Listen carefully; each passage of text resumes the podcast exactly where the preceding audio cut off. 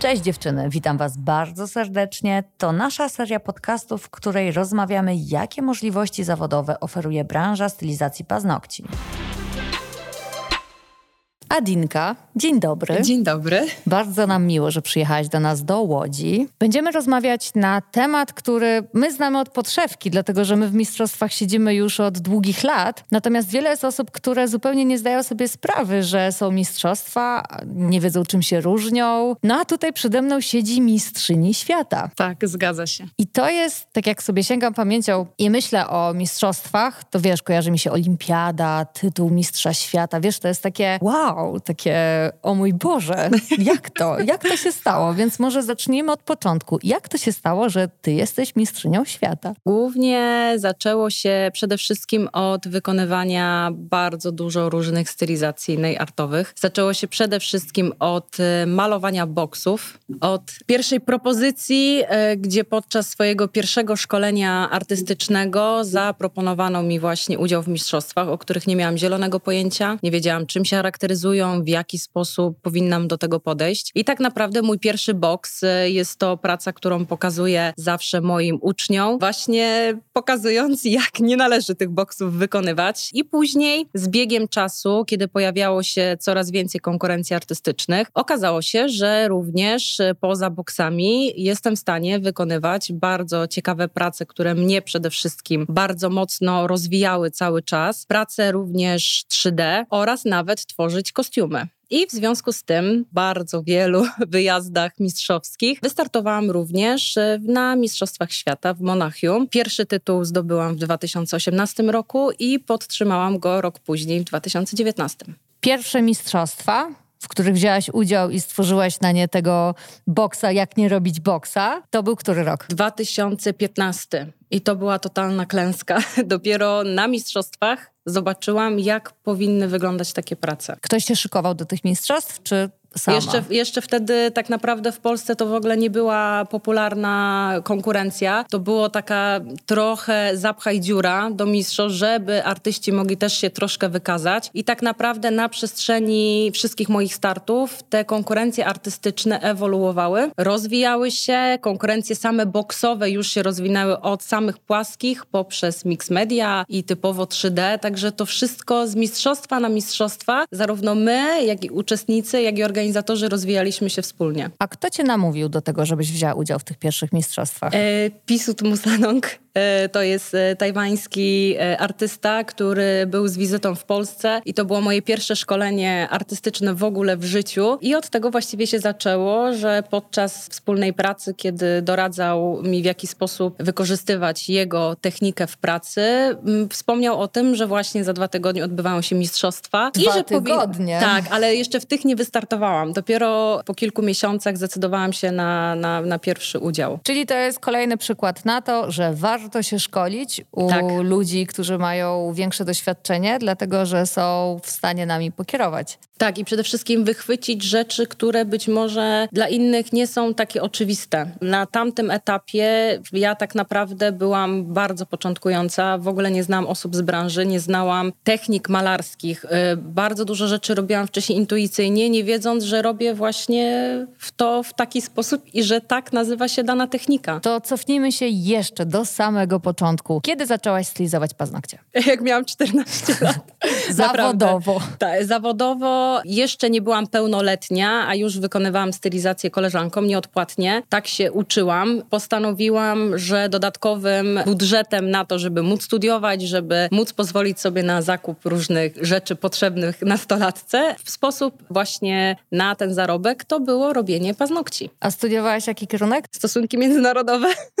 No właśnie, w tamtych czasach, jak się tak cofniemy, bo my jesteśmy ten sam rocznik, tak. 8-5, w tamtych czasach wykonywanie paznokci jako pomysł, sposób na życie, to w ogóle było nie do tak. pomyślenia, nie? Było się tipsiarą. Tak. Właśnie naj, najciekawsze i zawsze to powtarzam dziewczynom, że w dzisiejszych czasach zarówno nasze dzieci mają dużo łatwiej z wieloma rzeczami, z dostępnością pewnych, e, pewnych rzeczy, pewnych narzędzi do rozwoju. Tak samo było w stylizacji paznokci. Nie było kolorowych żeli. Ja pigmenty kupowałam w sklepie plastycznym, mieszałam z białym żelem podstawowym i tworzyłam sama palety, które oczywiście w różny sposób się zachowywały po jakimś czasie. Mm, nie było frezarek, wszystko piłowało się ręcznie, więc zawsze też się śmieję, że nie było wtedy helenek wiszących y, ramion, które gdzieś tam teraz y, możemy zaobserwować, tylko właśnie wszystko piłowało się ręcznie. Dokładnie ręcznie i trwało to godzinami. Wracając do y, tego punktu wyjścia, w którym na początku paznokcie miały być dodatkowym zarobkiem i trochę sposobem na takie przeczekanie do momentu, aż zacznie się moja prawdziwa kariera, tak przyszedł moment, że zajmując stanowiska kierownicze, cały czas te paznokcie gdzieś tam za mną szły, cały czas miałam klientki. W krótkim czasie, w ciągu jednego roku, kiedy tych klientek nazbierało się naprawdę sporo, okazało się, że tak naprawdę na etacie zarabiam na waciki, a głównie na życie zarabiam paznokciami. No i przyszedł moment, w którym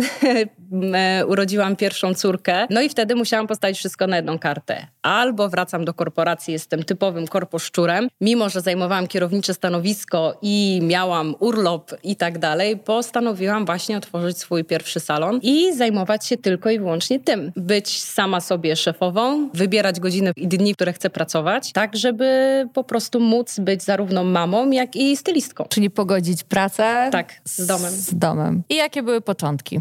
No bo wiesz, z jednej A, trudne, strony... trudne, tak. To jeszcze ja się łapałam na tym, że często musiałam po prostu odmawiać, także nauczyłam też się mówić nie, czego wcześniej, kiedy zaczynałam, nie było o tym mowy. Tak naprawdę robiłam klientki wtedy, kiedy im pasowało, głównie wieczorami, popołudniami, często kosztem własnego zdrowia, własnego snu. Natomiast to też nie było bez powodu, tak? Musiałam dosyć mocno pracować na swoje nazwisko. Stylistek w Polsce, w Poznaniu, nawet na mojej mojej ulicy było kilka, więc po prostu trzeba było się starać i, i głównie myślę, że to, że poświęciłam dużo czasu na to, żeby się edukować żeby się rozwijać, spowodowało tym, że później właśnie mając dzieci mogłam tymczasem manewrować. Ile godzin dziennie pracowałaś na początku? No, no nawet po 11-12 studiując, normalnie żyjąc, imprezując, wychodząc ze znajomymi do kina. Tak naprawdę teraz zastanawiam się, jak ja mogłam to wszystko robić. To jest niesamowite. A w salonie, jako osoba samozatrudniona? No tak samo, tak samo. Zdarzało się tak, że udawało mi się albo zostawić dzieci z tatą, albo z babcią i jak już ciągnęłam pół dnia, no to nieraz przeciągałam i cały i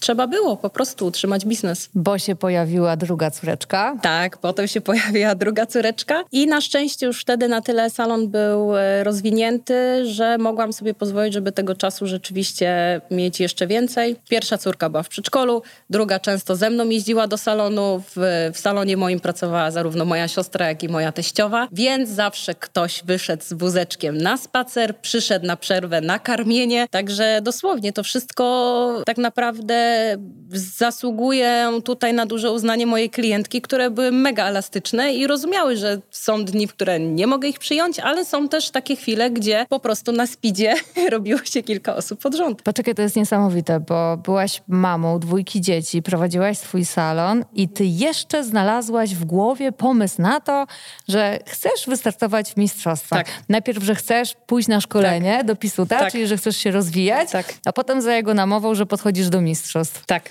Tak, ale to wynika jakby z tego, że ja mm, jestem takim typem, że ciągle muszę mieć marchewkę przed sobą. Ja zawsze muszę coś robić. Zajmowałam się różnymi rzeczami manualnymi w swoim życiu. Już naprawdę nie wiem, co pominęłam w takich kwestiach i robienia jakiejś biżuterii i malowania na płótnie, pierwsze swoje pieniądze w ogóle, takie prawdziwe pieniądze, za które biegłam sobie kupić pierwsze firmowe buty, to były właśnie pieniądze, które zarobiłam stając na jarmarku, takim poznańskim u nas, malując na żywo obraz i ktoś przyszedł i go ode mnie kupił. I ja po prostu pierwsze pieniądze zarobione na deptak na Półwiejską, gdzie były jeden z nielicznych sklepów z markowymi butami i pierwsze sobie Nike kupiłam. Tak to było. To pewnie były czasy, że nie nosiłeś się smartfonów. No nie. I nie mogłaś sobie zrobić pamiątkowej fotki no nie, tego no obrazu. Nie. Ale mam je w głowie, nigdy ich nie zapomnę, tych butów. Tam buty, obraz. E, obrazy też, tak. No kilka, kilka się ostało. Teraz jak na nie patrzę z tej perspektywy, to, to było widać, że to dziecko malowało. Natomiast no bardzo fajne doświadczenie, bo na tym etapie bardzo dużo różnych rzeczy próbowałam, różnych technik malarskich. Z wieloma artystami też miałam kontakt, y, bo moja wychowawczyni z podstawówki, pani Małgosia, plastyczka z wykształcenia, do tego logopeda, bardzo mocny kładła nacisk na to, żeby gdzieś mnie tam wypchnąć. I już jako siedmiolatka już miałam pierwszą wystawę swoich prac, no i później gdzieś się tam udawało, w pałacach kultury czy gdziekolwiek, to właśnie na jakieś różne zajęcia mogłam uczestniczyć i bardzo chętnie oczywiście brałam w tym udział. I widzisz, i teraz pojawia się pytanie, na ile to jest twoja osobowość i chęć cały czas podnoszenia poprzeczki coraz wyżej? Bo zastanawiam się, czy każdy ma szansę na to, żeby otrzymać tytuł mistrza świata. Nie każdy, na pewno, bo na to składa się wiele warunków. Raz to są, w moim przypadku, są to geny, dlatego że mój tata był manualnie bardzo, bardzo zdolny i jakby ja od dziecka zawsze to, to robiłam. To jest jedno, więc y, kopiowanie czy też próbowanie przenieść jakichś obrazów na inną przestrzeń mi przychodzi po prostu z łatwością, mimo że nie znałam wcześniej zasad, dlaczego robię właśnie tak, a nie inaczej. Po prostu intuicyjnie bardzo to robiłam. Upór, taka właśnie ambicja, że trzeba po prostu coraz dalej, coraz dalej. Nie dla, nie dla pieniędzy, bo przecież my w mistrzostwach nie wygrywamy kasy. Znaczy akurat w pojedynczych może tak, ale to bardziej chodziło jakby o to, żeby trochę udowodnić sobie, że poza tą stylizacją paznokci, poza tym, co się robi w domu chałupniczo, to, że jednak chce czegoś więcej. A jeśli słucha nas teraz jakaś stylistka i ona marzy o tym, żeby osiągnąć ten tytuł, a nie miała taty malarza i mhm. nie ma po prostu tych genów, to czy sądzisz, że to jest możliwe? Tak, ja, ja dzielę jakby w tej kwestii y, takie dwie grupy. Na osoby, którym to przychodzi z łatwością i wystarczy je oszlifować i pokazać dobrą drogę, ale też takie osoby, które da się wyuczyć pewnych rzeczy. I tak jest, że wiele osób, które przychodziło do mnie na szkolenia, które twierdziły, że są stricte techniczne, które w ogóle nie potrafią prostej kreski narysować, okazało się, że dobre wytrenowanie i pewna precyzja, którą na przykład bierze się głównie z techniki, pozwala na udoskonalenie techniki malarskiej, która być może nie pozwoli nam od razu tworzyć pięknych kompozycji, widzieć tego tak, jak niektórzy widzą po prostu obraz w głowie, od razu go przenoszą. Bardzo często jest to praca odtwórcza, czyli takie osoby muszą zobaczyć obraz i wtedy są w stanie go przenieść na na przykład tipsy. A są też takie osoby, które mają obraz w głowie i również przenoszą na inne powierzchnie. I może jeszcze przejdźmy do tematu, który chwilowo pomijaliśmy, ale najwyższa mm. pora go wyciągnąć na stół. Wyrzeczenia. O, dużo. Dużo rzeczy to jest czas przede wszystkim. Czas na różne przyjemności. Nie chodziło się za bardzo ani na imprezy podczas jakby zarówno pracy, jak i, jak i później przygotowań też do mistrzostw, czyli znowu kolejna działka, która zajmuje miejsce w naszym życiu. Oczywiście są to etapy pewne, bo sezony mistrzowskie są generalnie już teraz dwa, czyli często były to sezon wiosenny, później jesienny, także przez wakacje się odpoczywało. Natomiast wyrzeczenia czasowe, czasami nie ma nas w domu wtedy, kiedy, kiedy powinniśmy być. Nie śpimy za dużo, stresujemy się, co też jakby ma na pewno wpływ jakiś na nasze zdrowie. Przejmujemy się, e, na pewno większość osób, chyba nie znam nikogo, kto by nie podchodził jakby emocjonalnie do wyników swoich, do wyników koleżanek ale też jakby no jest za to nagroda. To jest ten czas wspólny z, z, różnymi osobami. To są zarówno koleżanki z teamu, to są osoby, które wcale nie są z naszego teamu, ale robią to samo co my. Także no, wyrzeczeń troszkę jest. No. To na konkrecie, ile godzin przygotowujesz się na jedne mistrzostwa? Y, wszystko zależy od projektu, od tego, w ilu konkurencjach startuję, ale średnio y, zliczając czas, bo nigdy się nie zdarzyło tak, żebym miała pełen dzień lub dwa dni na to, żebym mogła usiąść od początku do końca. Najmniej czasu, ile zajął mi jeden box, to 7 godzin. Y, najwięcej godzin 40. Praca 3D stricte jednego tylko projektu 60, plus oczywiście szycie kostiumu. Także to są dodatkowe co najmniej 20 godzin. Czy to jest częsta kategoria w Polsce albo na świecie? Częsta może nie, ale zdarzają się konkurencje na niektórych mistrzostwach, że oceniany jest również ogólny wygląd modelki. Także e, jeżeli jest na dany temat, warto wykonać kostium, który ten temat również odzwierciedla. I tak właśnie jest na Mistrzostwach Świata. Najpierw oceniane są same paznokcie i za to jest jedna pula punktów. I dodatkowa pula jest, kiedy sędziowie wychodzą za swoich pokoików, odsłaniają kotary i oglądają modelki w całości, tak, że to wszystko musi być kompleksowe, wszystko musi do siebie pasować i przede wszystkim to, co jest na paznokciach, powinno być odzwierciedlone w makijażu, w kostiumie, w każdym detalu. No i myślę, że to zawsze była moja przewaga, że rzeczywiście do tego podchodziłam na poważnie. Razem z dziewczyną, która e, szyła dla mnie kostiumy, po prostu siedziałyśmy i robiłyśmy to dosłownie razem, żeby przede wszystkim było po mojemu, mm, ale też, żeby było to wykonane w sposób naprawdę profesjonalny. Jest ogrom pracy, jak się tak patrzy na to z tak. boku. Tak. I teraz mam pytanie, czy to się opłaca zawodowo?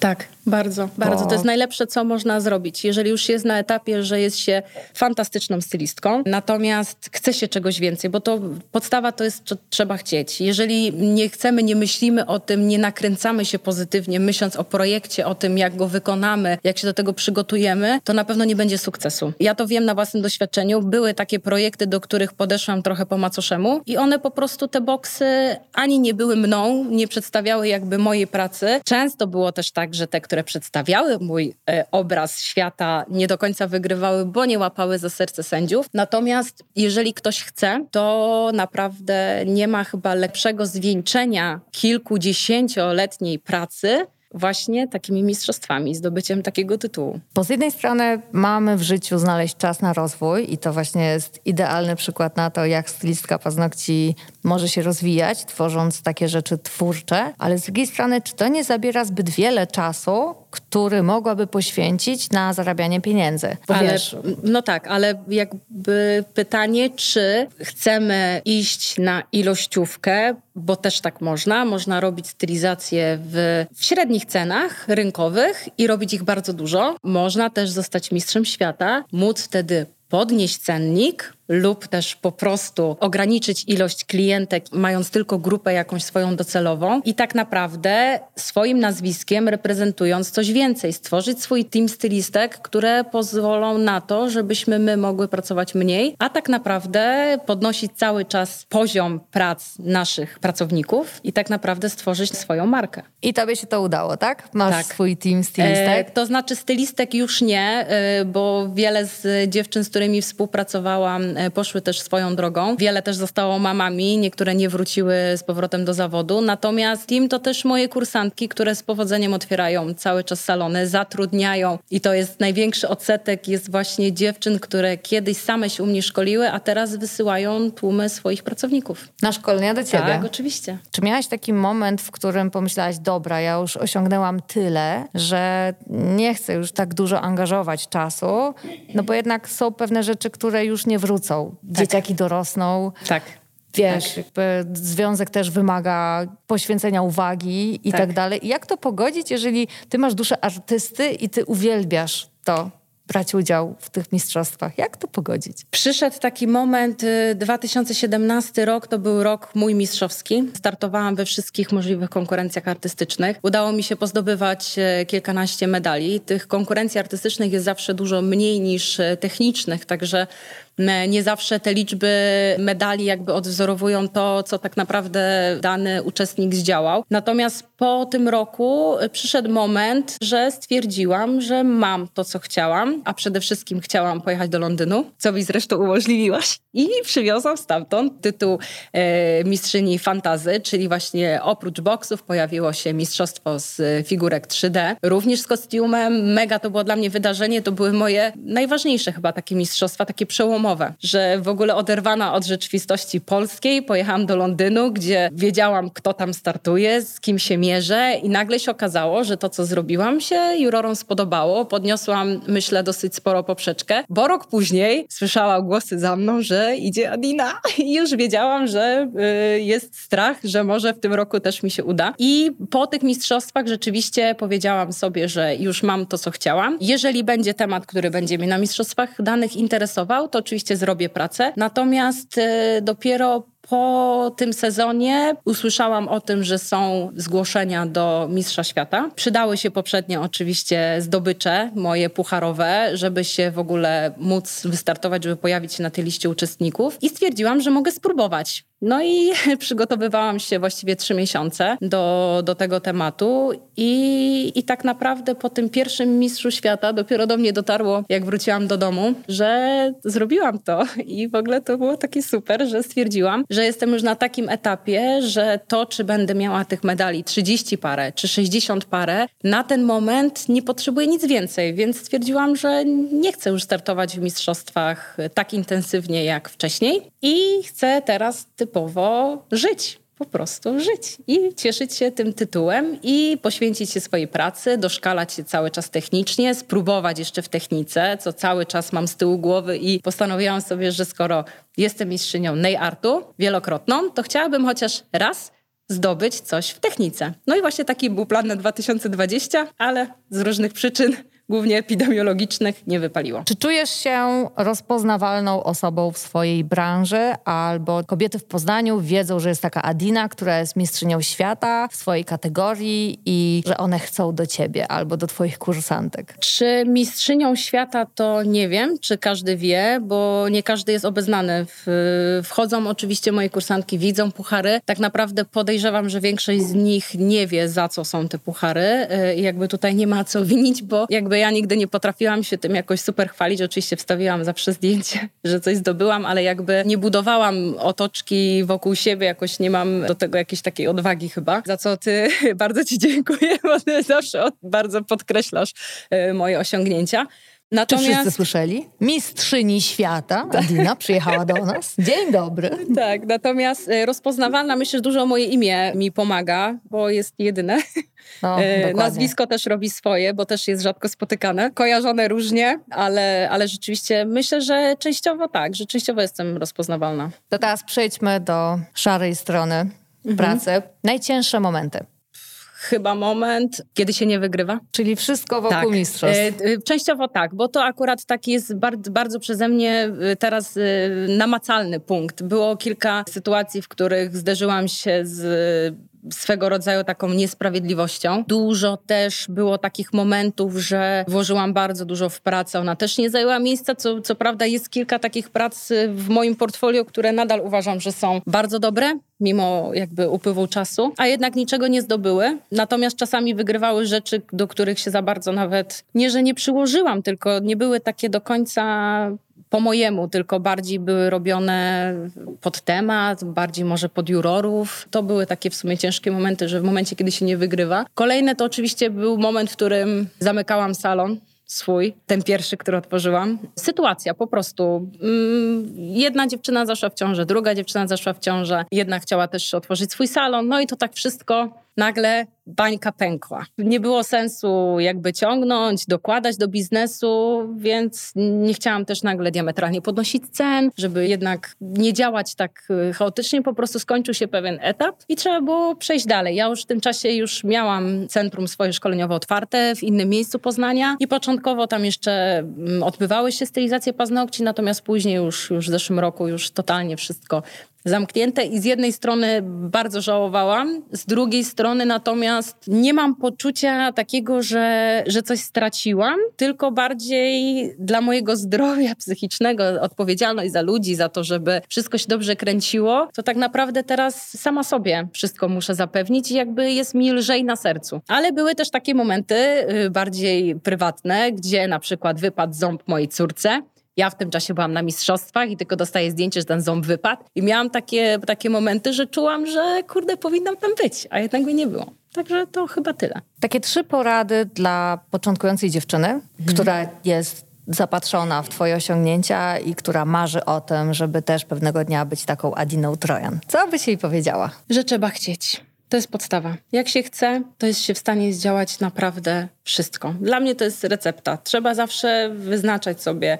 Ja wiem, że to jest tak brzmi górnolotnie, wyznaczać sobie cele, ale naprawdę, jak coś się pomyśli i chce się do tego dojść, to trzeba to sobie napisać gdzieś tam na końcu kalendarza, gdziekolwiek, żeby wracać do tego oczami i po prostu sprawdzić, jakimi narzędziami jestem w stanie to osiągnąć. Jeżeli tym narzędziem jest najpierw zakup farb żeli kolorowych, pędzelków, no to okej, okay, jeżeli tego nie mamy, to musimy to kupić. Możemy również szukać pomocy, nie wiem, w internecie, szukać inspiracji, ale jeżeli dążymy do konkretnego celu, jeżeli coś podoba się z mojej całej twórczości, no to chyba najkrótsza droga to jest po prostu spróbować, wybrać się do mnie na warsztaty, wybrać się na szkolenie i y, ja bardzo chętnie doradzę i pokieruję co dalej robić. Są nie tylko szkolenia takie podstawowe, są szkolenia tematyczne i jest wachlarz ponad 20, już teraz prawie 30 mam swoich programów autorskich, zdobieniowych, artystycznych i spróbujemy, jeżeli ktoś chce iść drogą mistrzowską, to spróbujemy wybrać takie mistrzostwa, które mm, być może na początek będą dobre, które może się okazać, że oczywiście będziemy miały na początku lekko przytarty nosek, bo nie zawsze udaje się na samym początku, ale wytrwałość i praca. Przede wszystkim trzeba malować. Trzeba malować dużo. Na papierze ciuchach nawet może się zdarzać. Po prostu trzeba cały czas rozwijać rękę, cały czas ją trenować. Mm, dużo rzeczy nasze ręce pamiętają, natomiast to jest tak jak z jazdą na jakimkolwiek sprzęcie. Te pierwsze nasze ruchy mogą być takie, które y, po prostu spowodują, że się przewrócimy, ale to trzeba wstać i wsiadać i jechać dalej. A jeżeli mieszkam daleko od Poznania, to mhm. jaki jest sens przyjeżdżać akurat do ciebie? No bo wiesz, logistyka, transport, mhm. hotel, trzeba dziecku znaleźć opiekunkę i tak dalej. Dlaczego akurat do ciebie? Wiesz, ja wiem, ale chciałabym, żebyśmy to poruszyli, bo kluczem jest mieć dobrego mentora. Tylko jak to wytłumaczyć osobie początkującej? Wiesz, ty byłaś w jej butach, więc mhm. tobie na przykład to spotkanie z Pisutem bardzo dużo dało. Tak, to na pewno, i, a poza tym to nikogo więcej nie było. U nas w Polsce w tamtych czasach nie było nikogo, kto by... My się wszyscy uczyliśmy robić boksy tak naprawdę od samego początku. Nikt nas tego nie uczył, nie było takich specjalistów w Polsce. Natomiast dlaczego właśnie do mnie? Myślę, że, że ja lubię swoją pracę, że lubię przekazywać wiedzę, lubię obserwować rozwój, kierować w jaki sposób dana osoba, w którym kierunku powinna iść, bo nie każdemu wszystko będzie sprawiało przyjemność, a ja cały czas to podkreślam, że to póki to nie jest męczące i nie traktujemy tego jako obowiązku, to będzie nasz sukces. Tylko my musimy to lubić, musi nam to sprawiać przyjemność. Poznań jest bardzo dobrze komunikacyjnie rozwiniętym miastem. E, moje centrum szkoleniowe też nie bez powodu znajduje się tuż przy dworcu PKP i PKS. Także ta logistyka, e, tak prawdę mówiąc, jest naprawdę bardzo łatwa przy mojej lokalizacji. Poza tym myślę, że najwięcej o mnie mówią prace moich kursantek, ich zdobycze, ich tytuły, nie tylko mistrzowskie, ale również prace, które na co dzień wykonują w salonie. Mm, nie tylko te prace, które wykonywane są podczas szkolenia, ale również one.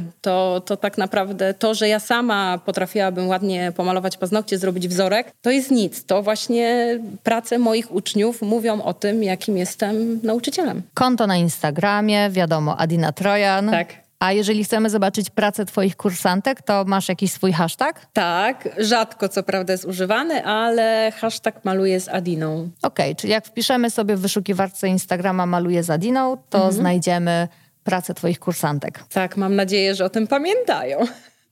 Teraz takie będzie pytanie z cyklu metaforyczne, ale, ale przydatne. Gdybyś mogła spotkać siebie z przeszłości dzisiaj, to Jaką poradę wysłałabyś sama sobie? Ojej, no to chyba właśnie zaczęłabym się szkolić na pewno, bo, bo ja przez 9 lat byłam stylistką, która typowo była samoukiem i pracowała w domu bez żadnych szkoleń. To poczekaj, roku... przerwę ci. A z czego to wynikało? Bo myślałaś, że nie widziałaś nikogo? Nie, to nawet, wiesz co, to nawet nie chodzi o to, tylko ja nawet się tym za bardzo nie interesowałam. Social media wtedy nie były w ogóle rozwinięte. Facebook dopiero m, tak naprawdę raczkował. Głównie reklamą była poczta pantoflowa. Czyli dana moja klientka poszła do sklepu, pani mówi, a gdzie pani takie paznokcie wymalowali? A proszę numer telefonu. Teraz, dzisiaj wygląda to tak, pokaż mi jej profil, albo jak ona się nazywa na Instagramie. To już zupełnie inaczej wygląda, więc wtedy tak naprawdę miałam tyle klientek, że nie myślałam o tym, żeby się rozwijać. Bardziej szukałam nowych produktów, nowych pędzelków, jak sobie ułatwić pracę, a może ta frezarka, łe, to spoko pomysł i tak po prostu to, to szło. W pewnym momencie chciałam właśnie nauczyć się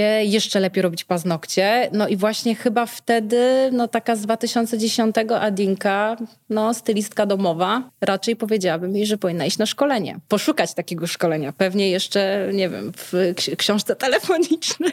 To też prawda jest taka, że my jako rynek polski w 2010 to no, mieliśmy kilku dobrych szkoleniowców, A co ty, ale... ja to w ogóle gdzie, ja z czym do ludu? Ale wiesz, jakby jak to porównać? Chodzi mi o to, że jak wtedy byłaś stylistką, to w 2010, no oczywiście były miejsca, w których można było się szkolić, ale dzisiaj to, co reprezentuje sobą rynek polski i wiesz, ty też przecież jesteś mocnym filarem tego, tego poziomu Dziękuję. szkoleń polskich, to te dzisiaj dziewczyny, które są Polkami, to one mogą naprawdę przebierać, tak, bo tak. i mają, wiesz, na wyciągnięcie dłoni mistrzynie świata, mają wielokrotne mistrzynie europejskie, polskie. Jest ogromny wybór. Tak, jest, jest dużo łatwiej, ale też e, takie cały czas mam wrażenie i to jest jakby taki odzew od kursantek, że nie każde szkolenie, mimo że być może podobnie się nazywa, że być może zapowiadało się fajnie, nie każde jest e, na tyle dobre, żeby przede wszystkim być może pokazać błędy, ale też wskazać drogę, jak je naprawić i właśnie wytłumaczyć, dlaczego coś robimy w taki, a nie w inny sposób, co jest tego przyczyną. Jest wiele takich programów szkoleniowych, które pokazują, jak zrobić paznokcie, ale nie tłumaczą dlaczego i co zrobić w sytuacji, kiedy mamy do czynienia z inną klientką, z innym paznokciem i kiedy są różne inne warunki, które mogą się zmienić. Więc tutaj kwestia w tym całym wachlarzu osób, które to robią, znaleźć tą, która rzeczywiście wydobędzie ze mnie to, co jest najlepsze i dobrze mnie pokieruje. Taka stylistka początkująca powinna mieć jeden cel: trafić na instruktora, który ją tak zachwyci tym szkoleniem, że ona tak. zrozumie, jakie to było bardzo dobre, że do niego trafiła. I jeżeli po jednym szkoleniu nie ma takiego feelingu, to prawdopodobnie warto znaleźć kogoś innego. Tak, Na myślę, że warto próbować. Nie wynosić takiego wniosku, że e, te szkolenia to w sumie takie wiesz. Dokładnie. Ja, ja trafiłam też sama później szkoląc się, y, trafiłam na osoby, które były bardzo znane, które uchodziły za naprawdę specjalistów, a okazywało się na szkoleniu, że czułam się totalnie niezaopiekowana, że czułam się taka że w sumie dobrze, że przyszłaś, zostawiłaś hajs, to ja ci pokażę, jak robię, ale na przykład przez całe szkolenie byłam tam sama. Przyszła, zobaczyła, jak zrobiłam. Dziękuję, do widzenia. A to był taki standard szkoleń, tak wydaje mi się, paręnaście lat temu, właśnie takich, często tak. słyszałam takie tak. historie.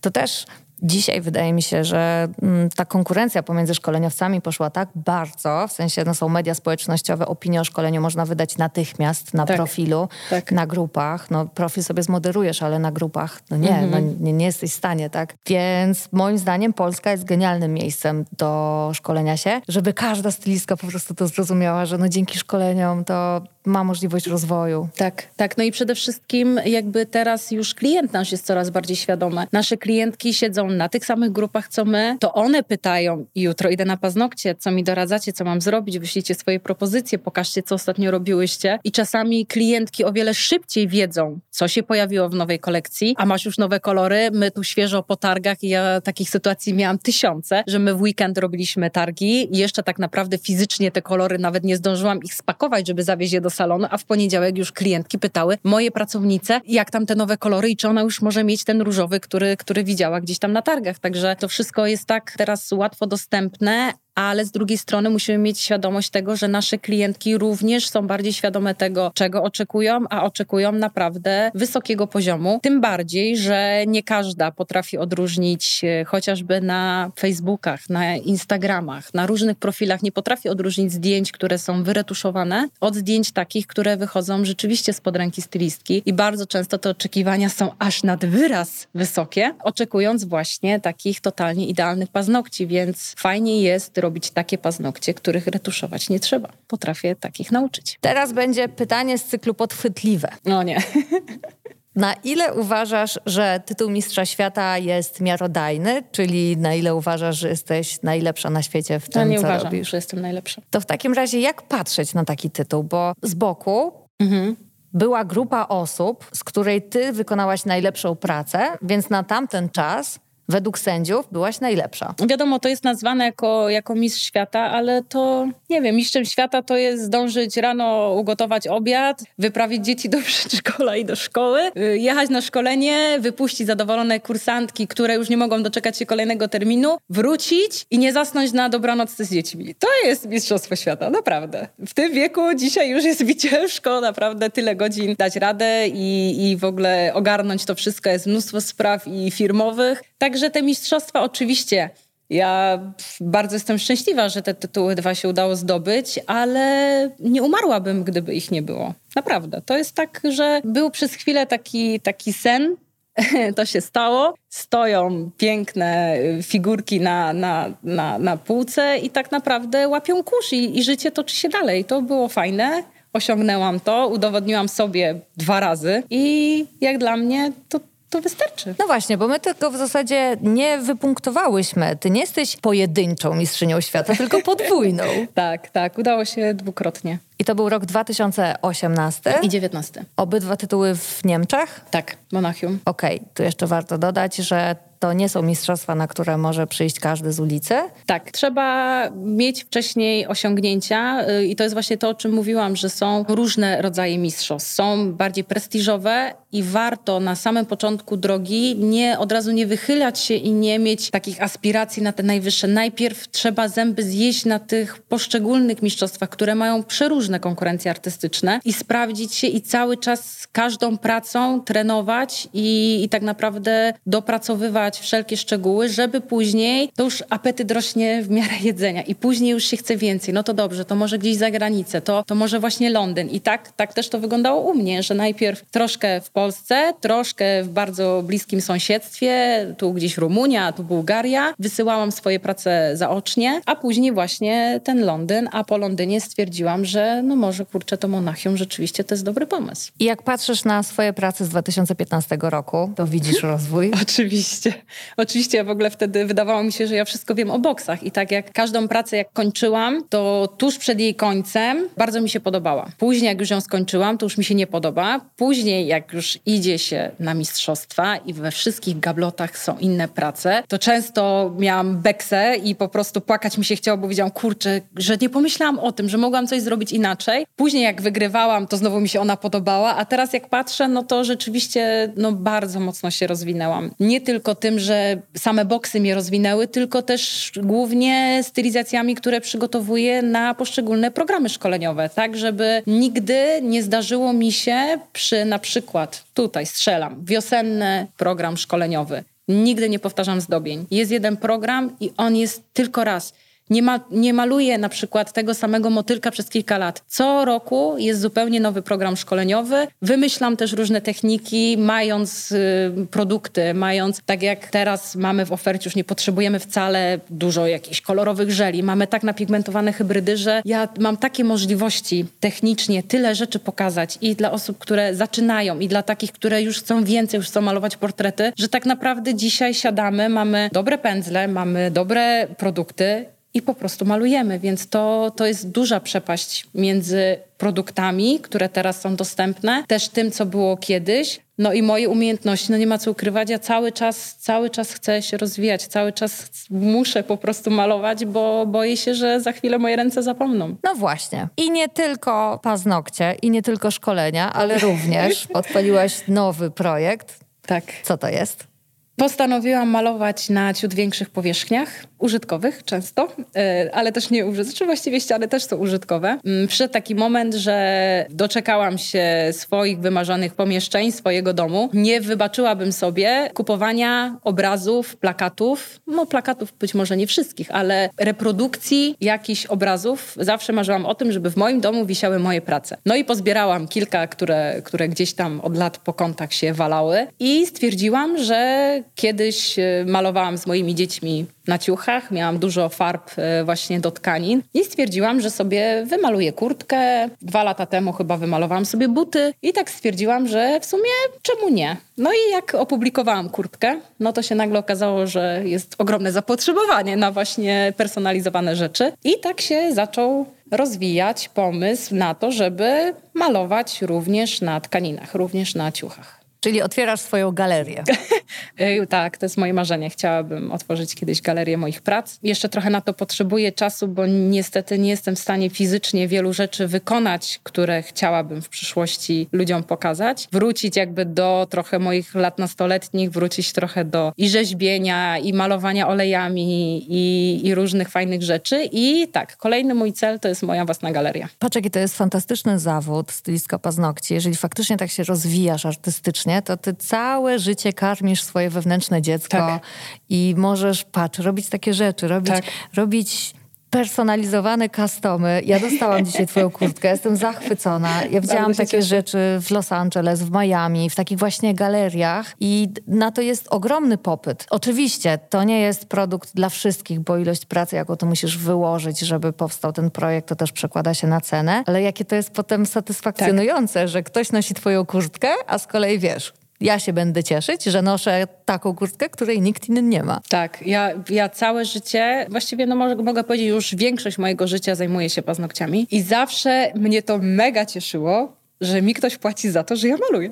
W ogóle co, co mogłam mieć lepszego, skoro lubię malować, lubię rysować i ktoś przychodzi mi za to płaci, no nie mogę mieć lepszej pracy. A do tego jeszcze jak mi powiedziały, a Dina rób co chcesz, to już byłam przeszczęśliwa, bo tak naprawdę ja za każdym razem mogłam próbować nowych rzeczy, oczywiście uczyć się. Ostatnio właśnie publikowałam taką moją pracę sprzed chyba siedmiu lat, gdzie nikt nie myślał o tym, żeby kolor pod skórkami malować, robiło się paznokcie z odrostem, byleby tych skórek nie zalać. Ten progres, który jest i to, że teraz jestem w stanie mojemu dziecku namalować ulubioną postać w ogóle na plecach, na kurtce, na butach, w ogóle zrobić jej plecak personalizowany, no nie może być nic lepszego. Po prostu to jest mega, mega fajne. Zajawkę mam teraz na to ogromną. Mogłybyśmy tak jeszcze posiedzieć z dwie godziny i pogadać, tylko że podcasty rządzą się swoimi prawami. Trzeba też je w pewnym momencie zakończyć. Bardzo dziękujemy. Ja Adina. również dziękuję za zaproszenie. Na pewno kiedyś powrócimy do kolejnego podcastu e, z Tobą jako gościem, bo tematów jest bez liku, a Ty jesteś dla mnie kopalnią wiedzy.